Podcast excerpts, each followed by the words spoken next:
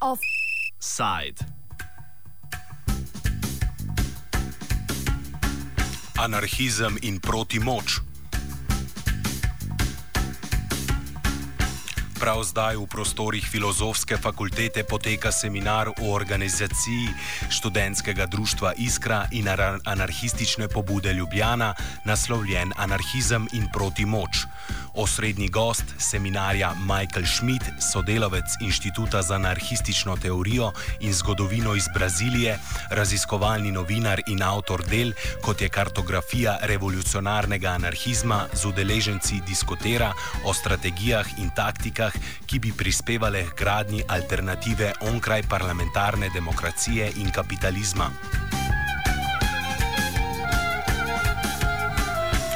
Michael Schmidt za začetek oriše raznolikost anarhističnega izrazja in spremembe v načinu delovanja progresivnih skupin.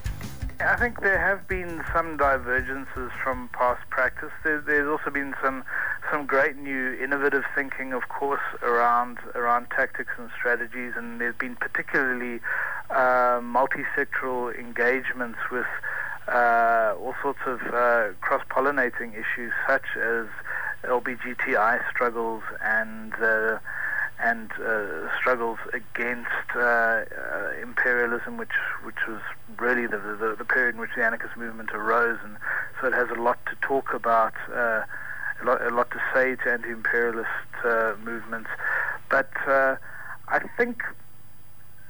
Perhaps in, in many in many respects, a, an actually organized an, an organizational approach um, has been foregone in favor of a a very much atomized approach that is perhaps influenced unduly by um, the contemporary social media environment and the, the, the politics of, of, personal and individualized identity, which is in itself a product of, of uh, the breakdown of society under, uh, under capitalism, when we're all uh, essentially herded into the ghetto of being consumers and, and deprived of a much more diversified humanity. Um, so I think I, I, think sort of a mass organizational approach is is something that has uh, almost seemed abhorrent to people. Um, of course, there are environments in which a mass organizational approach is is, is difficult, but uh, you know this this would have been said of places like Egypt and Libya and Tunisia uh, not too long ago, and yet um, it has proven otherwise. Um, but these were not Twitter revolutions. You know, these were these were revolutions built on on the underground organizational persistence of a of a, a, a whole series of uh, generations of people who who continued fighting the fight for democracy in their countries, and eventually managed to achieve a critical mass.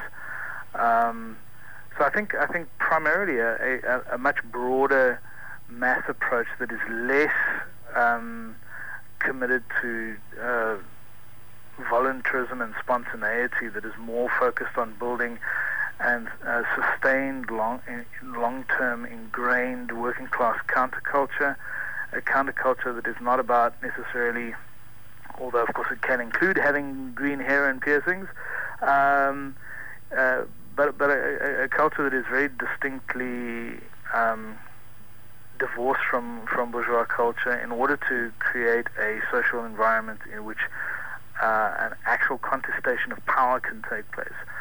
Um, you know, there's a lot of, I think, misconception about traditional anarchism's approach to power, and I think the historical record shows that, in fact, in most circumstances, or in many circumstances around the world, um, particularly during national liberation struggles, um, the anarchists really very seriously grappled with the question of power, and it was about decentralizing power, creating a popular counterpower um, that worked horizontally in, in, a federated way and not vertically in the, in the conventional parasitic form. Uh, power, after all, is just the ability to get stuff done. You know, the ability to feed the little old lady at the end of the road, and the ability to make the decision to build that road in the first place. Um, it's about the democratization of uh, decision making and uh, capacitation. So, I think there has been a, a, a tend to try and shy away from questions of power, thinking that they would naturally and automatically lead down the road to sort of a recreation of some sort of Stalinist system or something like this. But I think that these these new uh, mass movements, movements of movements as they're sometimes called, really do need to grapple with the question of power, but it has to be at a grassroots level and, and not at a bourgeois level. Poseben poudarek progresivnih gibanj je namenjen procesu komuniciranja in demokratizacije odločanja. Občasno proces omejuje skupino, komentira Schmidt.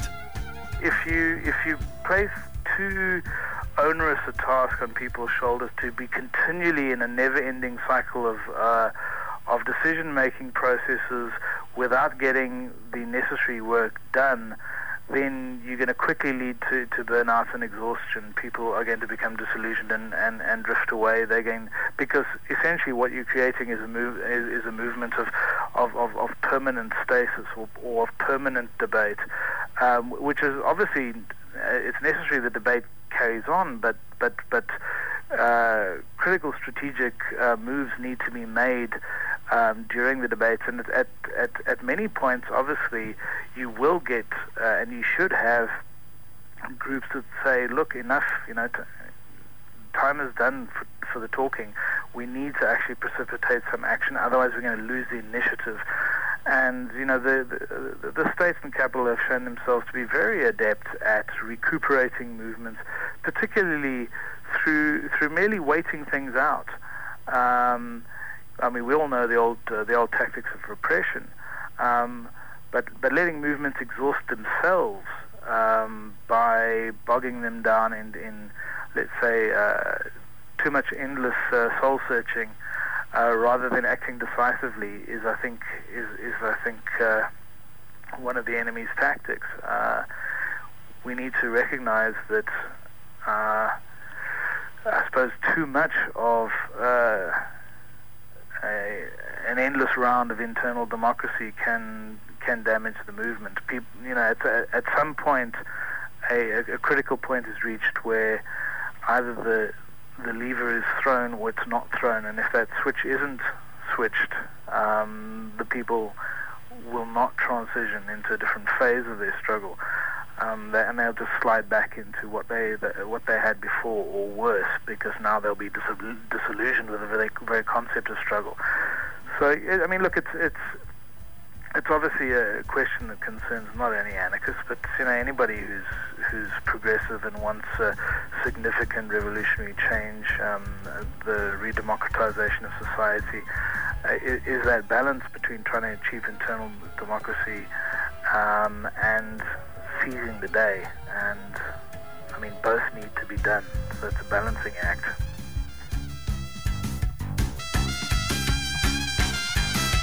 Kako naprej, kako prevzeti buržoazno oblast v Evropi, zaključuje Schmidt. The real important thing that I, I think we, we're seeing is that people, on the one hand, are starting to realize that even within you know elective representative democracy that um, their representatives are in fact not representing them, not even on the most basic mandates that they've been given. So there, has been huge disillusionment with uh, with parliamentary democracy. Now, obviously, that can go in in in, in, in several ways. Um, but there's also been a great rediscovery at the same time of huge, you know, of human agency and of the of, of the potential of of shifting a situation by acting in concert, by acting en masse. Um, as I say, I think a, a, bit more of an organizational approach does, does need to be injected into this. I'm not talking about a single mass organization, but I'm talking about you know the coordination of, of, of, of many mass organizations uh, working in concert to the extent that they're able. Um, the, the, very generalization of the crisis lends itself to generalization of the resistance. Um, but this, again, doesn't automatically presuppose that conditions are identical in every country. It's obviously very different um, in in Spain and and Greece to to what's happening in Germany at the moment. Um, so regional differences are going to play themselves out, and uh, I, I, yeah, I, th- I, think it would be foolish to imagine a, a single unified um, wave of equal height that sweeps right across uh, right across Europe. Um, but things can start in unusual ways, as we've seen in uh, in North Africa, and, and spread with amazing rapidity, and at the same time have very different outcomes. Uh, I think we, we would be blind if uh, and naive to, to say that Egypt has been a, an unqualified success in terms of its so-called revolution um, compared to, let's say, what, what, what went on in Tunisia. Um, and whereas at the same time looking at what's, ha- what's happening in Syria, it's an unmitigated disaster. So um, the the outcome's also not, not guaranteed either, um, and and can be very nasty depending on what the what the balance of forces are. Um, so I'm not I'm not a I'm not a utopian regarding this sort of thing at all, but I do think that a a reversion to an assistant an insistence on um, essentially grassroots democracy is a, an essential precondition for building at least a a European-wide or at least regional, because uh, obviously the borders spill beyond Europe into the Caucasus and and, uh, and into the Mashriq and Maghreb as well. Um, uh, sort of a bedrock of uh, a bedrock of best practice in terms of democracy um, that emanates from below. Um, of course, that that will inevitably un- be unevenly expressed right across the region. Um, but you may well get, as you, you had in North Africa, a, a, spark in one region that does trigger some sort of a domino effect. Although, as I uh, as I said with North Africa, the chances that you'll have very differentiated outcomes, including some pretty nasty ones, is, is almost inevitable. sedaj pa le brž na filozofsko fakulteto v predavalnico R1B in sodelujte v diskusiji. Opozoril vas je Jankovič.